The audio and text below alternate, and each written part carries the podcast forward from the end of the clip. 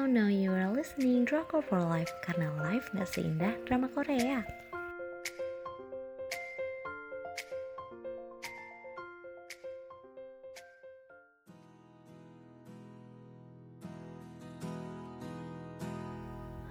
Review drama Korea Let's Eat Season 2 Nontonnya harus sambil makan dengan stasiun penyiaran TVN tanggal penayangan 6 April sampai dengan 2 Juni 2015 untuk jumlah episodenya ada 18 episode.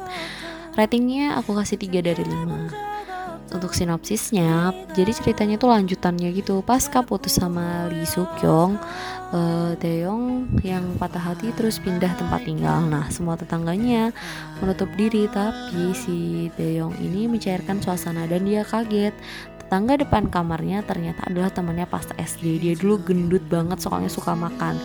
Drama pun dimulai. Mereka setempat tinggal itu jadi suka makan bareng di atap. Paling suka lah adegan makan-makan ini terus di season kedua ini juga dibahas perjalanan cinta Deong sama teman SD-nya dulu.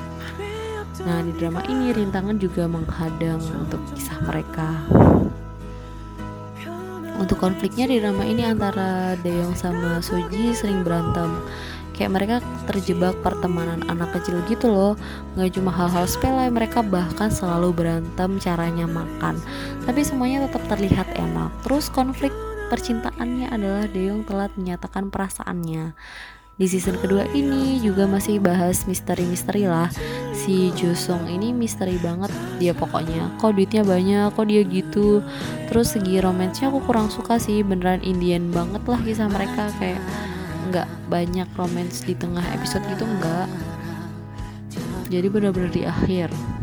Terus selanjutnya aku bakal bacain penokohannya. Yang pertama ada Ko Deong menurut aku dia sedikit lebih manusiawi sih di season kedua ini. Rumahnya nggak sesampah dulu bersih malah. Bersih nggak ada perabot juga. Bener-bener clean gitu.